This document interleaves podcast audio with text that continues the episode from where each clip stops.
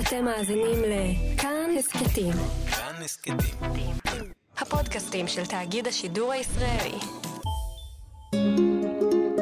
היסטוריה לילדים עם יובל מלכי. הנער שרתם את הרוח.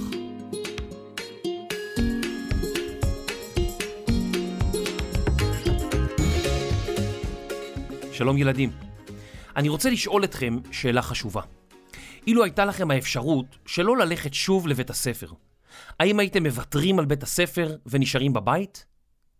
לא? מה זאת אומרת כן? אתם לא רוצים ללכת לבית הספר? אז היום אספר לכם על ילד אחד שרצה כל כך ללמוד בבית הספר, שהיה מוכן לעשות הכל כדי לקבל את ההזדמנות הזאת. ובדרך גם הציל את כפרו. ויליאם קמקוומבה נולד בשנת 1987 במלאווי. מיד תגלו מה הוא עשה כדי לעזור לאנשי הכפר שלו, אבל כדי להבין טוב יותר את הסיפור של ויליאם, עליכם קודם להבין את הסיפור של המדינה שלו. מלאווי שוכנת בחלקה הדרום-מזרחי של יבשת אפריקה. דמיינו את יבשת אפריקה, היא נראית כמו פטיש שאפשר לאחוז בחלקו התחתון. מלאווי שוכנת לא הרחק מהאוקיינוס ההודי.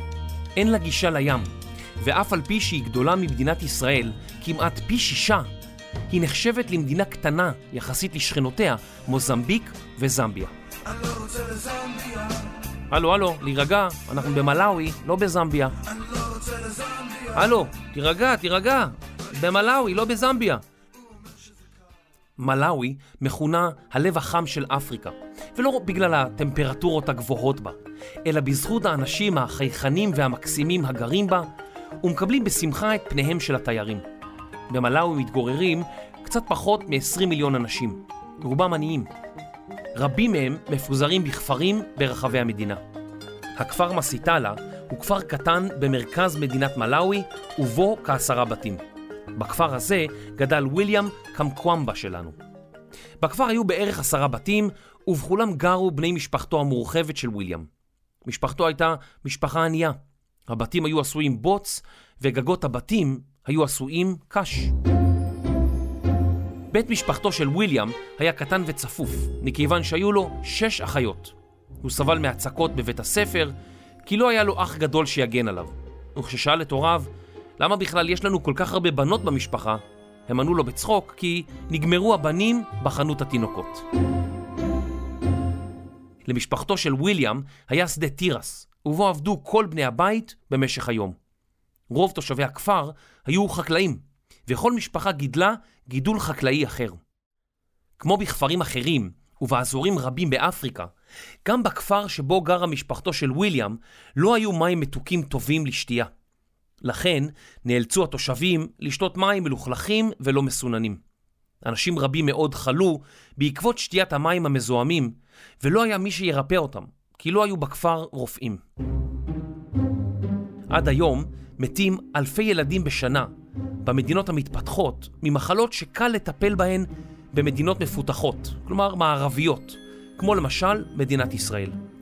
מדינות מתפתחות הן מדינות עניות שמנסות להתפתח, אך עדיין אינן מפותחות כמו מדינה מערבית מפותחת. אם לילד יש וירוס בטן והוא משלשל למשל, עליו לשתות מים נקיים. אך במקומות רבים בעולם, המוגדרים מדינות מתפתחות, אין אפשרות כזאת, ואלפי ילדים ברחבי העולם מתים בכל יום בגלל שלשול. במקום רופאים, היו במלאווי מכשפים, שהחשיבו עצמם לרופאים. הם היו אנשים מסתוריים. בדרך כלל אפשר היה למצוא אותם בשוק, יושבים על שמיכה, ומסביבם המון חפצים מוזרים, כמו עצמות של חיות, רטבים מוזרים ואבקות משונות. אנשים עניים היו הולכים מרחק רב כדי להגיע אל המכשפים, בתקווה שירפאו אותם. דוקטור, אני, אני מרגיש לא טוב, כואבת לי הבטן. אוקיי, בוא נבדוק. אני אקח את הפנס הזה ואעביר על הבטן שלך. נו, דוקטור, מצאת משהו? כן, אני חושב שאני יודע מה קרה. יש לך בבטן חילזון. חילזון? כן, אני כמעט בטוח. אל דאגה, אפשר להוציא אותו. אוקיי, איך מוציאים מהבטן שלי את החילזון? הנה, אני אמרח לך את המשחה הזאת. תתעלם שכתוב פה משחת שיניים, בסדר? זה, זה משחה מיוחדת. נו, אתה מרגיש יותר טוב? לא יודע, כן, אני חושב שהחילזון נעלם. אני כבר לא מרגיש אותו זז. וואו, תודה, דוקטור. מעולה, זה יעלה לך 3,000 קוואצ'ה. המכשפים לא היו רק מרפאים. תמורת כסף, הם הסכימו לעשות בדרך כלל כל מה שביקשו מהם. למשל, אם היו לך אויבים, הם היו מטילים קללות על השדות שלהם, על חיות המשק שלהם ועל המשפחה שלהם. יום אחד, כשוויליאם שיחק בשלולית בחצר הבית שלו, עברה לפניו חבורה של בנים שסחבו שקית ענקית. זו הייתה שקית שהיה בה אוצר נדיר. בשקית היו מסטיקים. וויליאם ממש אהב ללעוס מסטיק, והוא הסתכל על הנערים בכמיהה. כשהם חלפו על פניו של וויליאם הקטן, אחד הנערים שאל את חבריו, מסכימים לתת לו כמה מסטיקים? טוב נו, למה לא, הוא נראה די מסכן, השיב נער אחר, והושיט לוויליאם חופן מסטיקים. איזה אושר עילאי, מסטיק! זה מצרך נדיר ויקר כל כך במלאווי. בלי לחשוב רגע, דחף וויליאם לפיו את כל המסטיקים שקיבל. הוא לא ידע שבאותו הרגע הוא הסתבך ובגדול. למחרת הגיע לביתו של וויליאם סוחר מקומי וסיפר שאחת משקיות המסטיקים שלו נפלה בזמן שרכב על אופניים וכשהסתובב להרים אותה, היא כבר נעלמה. אנשי הכפר סיפרו לסוחר העצבני על חבורת הנערים שגנבה את השקית והוא החליט לנקום. הוא הכריז, הלכתי לראות את מכשף הכפר וכל מי שאכל מהמסטיקים האלה התחרט על כך מאוד. וויליאם הקטן פחד מאוד. הוא חשב שעכשיו הוא מקולל ושמשהו נורא עומד לקרות לו. הוא החל לברוח אל תוך היער שמאחורי ביתו וניסה להתחבא. אבל לאחר זמן מה, הוא החליט לחזור הביתה. כשוויליאם חזר הביתה הוא צעק, זה אני, אני לא רוצה למות, אבא, בבקשה, אל תיתן להם לקחת אותי. אביו של וויליאם הסתכל עליו וחייך. אתה? אה? טוב, אלך מחר בבוקר לסוחר ואראה מה אפשר לעשות. אבל עוד באותו היום, הלך אביו של וויליאם אל הסוחר ושילם לו תמורת המסטיקים. אף על פי שוויליאם אכל רק כמה מסטיקים אחדים, אביו שילם תמורת כל השקית שנגנבה, וזה הביא לכך שלמשפחתו של וויליאם לא נשאר כסף. החיים באפריקה שונים מאוד מהחיים שלנו כאן בישראל. באפריקה, לרוב האנשים אין כסף לקנות כדורגל, אבל הם אוהבים מאוד את משחק הכדורגל. וויליאם נהג לשחק עם חבריו בכדורגל שהכינו משקיות פלסטיק. את שקיות הפלסטיק נהגו לגלגל לכדור ולקשור בחבל מכל הצדדים. אתם יכולים לחפש ביוטיוב ואולי אפילו להכין כדור כזה בעצמכם. וויליאם סיים את לימודיו בבית הספר היסודי והתקבל לבית הספר התיכון. בעקבות בצורת, כלומר עונת חורף שלא היו בה גשמים לחקלאות, בתחילת שנות האלפיים, נקלעה משפחתו של וויליאם למצב כלכלי קשה, והייתה על סף רעב. משום כך, גם לא היה ביכולתה לממן את המשך לימודיו של וויליאם. וויליאם נאלץ לעזוב את בית הספר, אך הוא סירב להשלים עם הגזרה. הוא ניסה להתגנב לבית הספר ולהאזין לשיעורים. לרוע המזל, הוא נתפס וסולק משטח בית הספר. וכך, בן 14, נאלץ וויליאם להפסיק את לימודיו ולצאת לעבוד עם משפחתו בשדה. המצב הכלכלי הקשה הביא לכך שהמשפחה לא יכלה להרשות לעצמה יותר מארוחה אחת ביום. וויליאם ידע שלא יוכל ללכת לבית הספר, אך הוא החליט להמשיך ללמוד. הוא החל לשאול ספרים מספרייה קטנה בבית הספר היסודי שבו למד בילדותו. הוא קרא ספרים רבים וגילה כי הוא נמשך לתחום האלקטרוניקה. עוד קודם לכן, הוא אהב לפרק מכשירים ואפילו תיקן את הרדיו של שכניו תמורת סכום כסף זעום. באחד הימים נתקל וויליאם בספר שתואר בו כיצד אפשר לבנות טורבינת רוח, שמעין תחנת רוח המפיקה אנרגיה חשמלית באמצעות רוח. הוא חשב שאם יוכל לבנות תחנת רוח שכזאת, הוא יוכל לספק חשמל לבית הוריו ולהאיר אותו בעזרת נורות חשמל בשעת החשיכה. כבר מאות שנים מנצלים בני האדם את הרוח כדי לעשות מלאכות שדורשות הרבה אנרגיה. המפרשים שעל הספינות למשל, אפשרו להשתמש ברוח כדי לשוט למרחקים ארוכים, במקום לחתור באיטיות. תחנות הרוח עזרו לטחון חיטה, וכיום טורבינות רוח מייצרות חשמל בכוח הרוח. לשימוש ברוח יש יתרונות ברורים.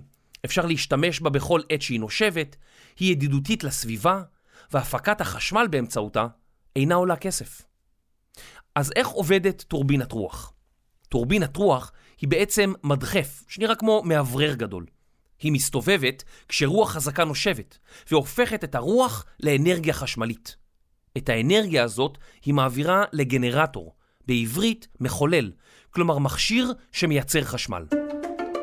לכבוד הפרק הזה בניתי בעצמי טורבינת רוח קטנה, אז הנה, יש פה את הפרופלור הזה, את המדחף, זה כמו, ממש כמו ונטילטור נראה, הנה הוא יושב טוב במקום, הנה אני אדליק אותו, הנה בוא נדליק אותו כבר על טורבו, הנה אני אשים אותו הכי חזק שאפשר, אחת, שתיים, ו... או, זה מתחיל להסתובב, וואה, רוח מסובבת את זה. אבל יש פה, מה זה הניצוצות האלה שיוצאים פה? מה זה? אוי, אולי לא חיברתי טוב את החוטים. וואו, זה יוצא מכלל שליטה. וואו, וואו, יפה, הצילו. הבעיה של וויליאם הייתה שבכפר שלו לא הייתה חנות שהיה אפשר לקנות בה את החלקים הדרושים להקמת תחנת הרוח. וגם לא ממש היה לו כסף לשם כך. הוא נזכר שליד בית הספר התיכון, שממנו סולק, היה מגרש גרוטאות. במה שאנשים ראו אשפה, הוא אמר, אני ראיתי אוצר. מתוך הגרוטאות החל וויליאם להוציא דברים שחשב שיוכלו לעזור לו בבניית תחנת הרוח שלו. הילדים בבית הספר ראו אותו מסתובב בין ערימות הגרוטאות ולעגו לו. כך הוא התעלם מהם והמשיך לחפש חלקים מתאימים. הוא חיפש בין מכוניות ומשאיות נטושות שהחלידו בשמש, בין משאבות מים ישנות ובין קפיצי סליל וחלקי מתכת אחרים. לאט לאט הוא מצא את מה שחיפש.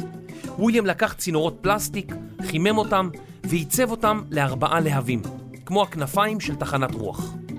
מהאופניים הישנים של אביו הוא בנה מסגרת שאליה הוא חיבר את הלהבים. וויליאם גם מצא מכשיר חשמלי בשם דינמו. כשהייתי ילד, היה לי דינמו לאופניים, וכשהייתי מסובב את הדוושות, האנרגיה נאגרה והייתה מדליקה פנס בקדמת האופניים. דינמו הופך את האנרגיה שאנחנו מייצרים לחשמל. וויליאם השתמש בדינמו שמצא בתור מחולל, המכשיר שממיר את אנרגיית הרוח לחשמל. את חוטי החשמל שהיו נחוצים לו לקח וויליאם ממכשירי רדיו ישנים שהיו בביתו, וכבר לא פעלו. באחד מניסיונותיו לחבר את חוטי החשמל הללו פרצה אש, והבקתה שבה היה באותו הזמן כמעט נשרפה. וויליאם הבין שעליו להיות זהיר יותר, והוא בנה מפסקים מצמיגים של מכוניות. כדי שהטורבינה, תחנת הרוח של וויליאם, תפעל, היה עליו להגביה אותה מעל פני האדמה. הוא אסף הרבה מאוד קרשים וחיבר אותם יחד למגדל שגובהו חמישה מטרים. לוויליאם לא היו כלי עבודה, והוא יצר את כלי העבודה שלו בעצמו. במקום פטיש, הוא השתמש בחתיכה עבה של פלדה, מחישורי אופניים, שהם המוטות הדקים שמחברים את הגלגל לציר, הוא בנה מברגים. וויליאם חווה לא מעט רגעים של ייאוש, רגעים שבהם חפצים נשרפו, ורגעים שבהם דברים לא פעלו כמתוכנן. אבל הוא המשיך להתקדם עקב בצד אגודל. אתם יודעים, בפסיעות קטנות וזהירות. לבסוף, טורבינת הרוח פעלה. וויליאם חיבר אליה מצבר של מכונית כדי לאגור את החשמל. באחד הערבים חיבר וויליאם חוטי חשמל מהמצבר לנורות, ווואלה! ויהי אור. ארבע נורות פעלו בביתו, כמו גם שני מכשירי רדיו. כל האנשים שהתגוררו בסביבתו הקרובה באו לראות את הפלא שוויליאם בנה. וויליאם הרחיב ושיפר את תחנת הרוח שלו. עם הזמן, טורבינת הרוח של וויליאם לא רק האירה את ביתו, אלא גם עזרה בשאיבת מים נקיים, והאירה את בתיהם של משפחתו המורחבת. לאחר שנודע לעיתון מקומי על תחנת הרוח של וויליאם, התפרסם הסיפור בעיתון, ובתוך שנים אחדות, וויליאם החל למשוך תשומת לב עולמית. הוא הוזמן להרצות בכינוס TED, כינוס שנושאים בו הרצאות קצרות ומיוחדות. אנשים רבים ששמעו את סיפורו תרמו לו כסף כדי שיוכל להשלים את לימודי התיכון ואף להמשיך את לימודיו באוניברסיטה. וויליאם אמר, בזמן תכנון התחנה ובנייתה, אנשים לעגו לי ואמרו שאני משוגע. כשהצלחתי, הם התלהבו והעריכו אותי ממש. אם אתם רוצים לראות בעצמכם את תחנת הרוח שוויליאם בנה, חפשו במרשתת, באינטרנט, את המילים "איך רתמתי את הרוח". תמצאו שם את ההרצאה שלו בטד, שיש לה כתוביות בעברית, ובנטפליקס חפשו את הסרט שמבוסס על סיפרו, אבל הוא לא ממש הסיפור, והוא נקרא "הנער שרתם את הרוח". סיפורו של וויליאם התפרסם ועורר השראה בקרב רבים. וויליאם עצמו נעשה מודל לחיקוי. הוא עזר להקים עמותה הפועלת למען חינוך ילדים באפריקה, עזר לבנות כיתות לימוד חדשות ולספק לכפרים מרוחקים מחשבים הכוללים גם ספרייה דיגיטלית של ספרים, כדי שילדים באפריקה יוכלו ללמוד מהבית. את החשמל למחשבים מספקת תחנה קטנה של אנרגיה סולארית, שהופכת את אור השמש לחשמל זמין. בית הספר נראה לנו מקום משעמם, נכנסים לכיתה, יושבים המון שעות, אי אפשר לעשות מה שרוצים, לא תמיד מה שלומדים מעניין אותנו, וצריך גם להכין שיעורי בית. אבל בעצם, ללמוד בבית ספר זו זכות גדולה.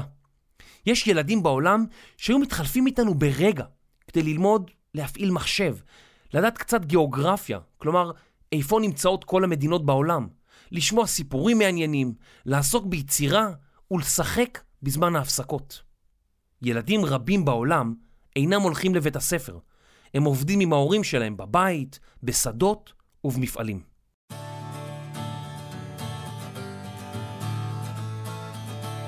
וויליאם האמין בעצמו גם כשאחרים לא האמינו בו. גם אנחנו לעיתים נתקלים באנשים שלועגים לרעיונות שלנו. אבל כמו וויליאם, אם לא נקדיש תשומת לב ללעג שלהם, אם יום אחד נבנה גם אנחנו משהו שישנה את העולם. בדיוק כמו שוויליאם שינה את עולמו ואת העולם של בני משפחתו, ואולי גם את עולמם של רבים באפריקה. אם יש לכם חלום שאתם רוצים להגשים, אל תוותרו עליו בקלות.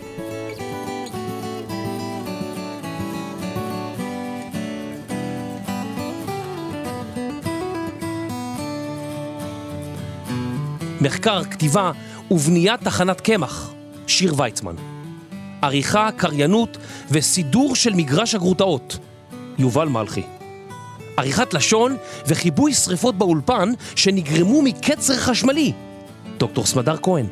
מיקס, אפקטים ונסיעה לאפריקה לוודא שהכל אמת, רחן רפאלי. הפקה וקולות של היפופוטם רעב, רני שחר ואייל שינדלר.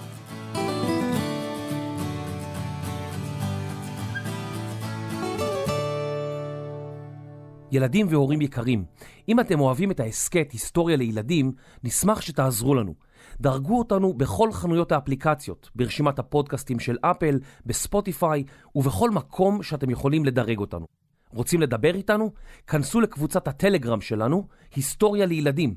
רשמו לנו מה חשבתם, העירו לנו הערות, שילחו לנו הצעות לפרקים, ותוכלו להתעדכן בפרקים חדשים ובאירועים קרובים. תודה רבה.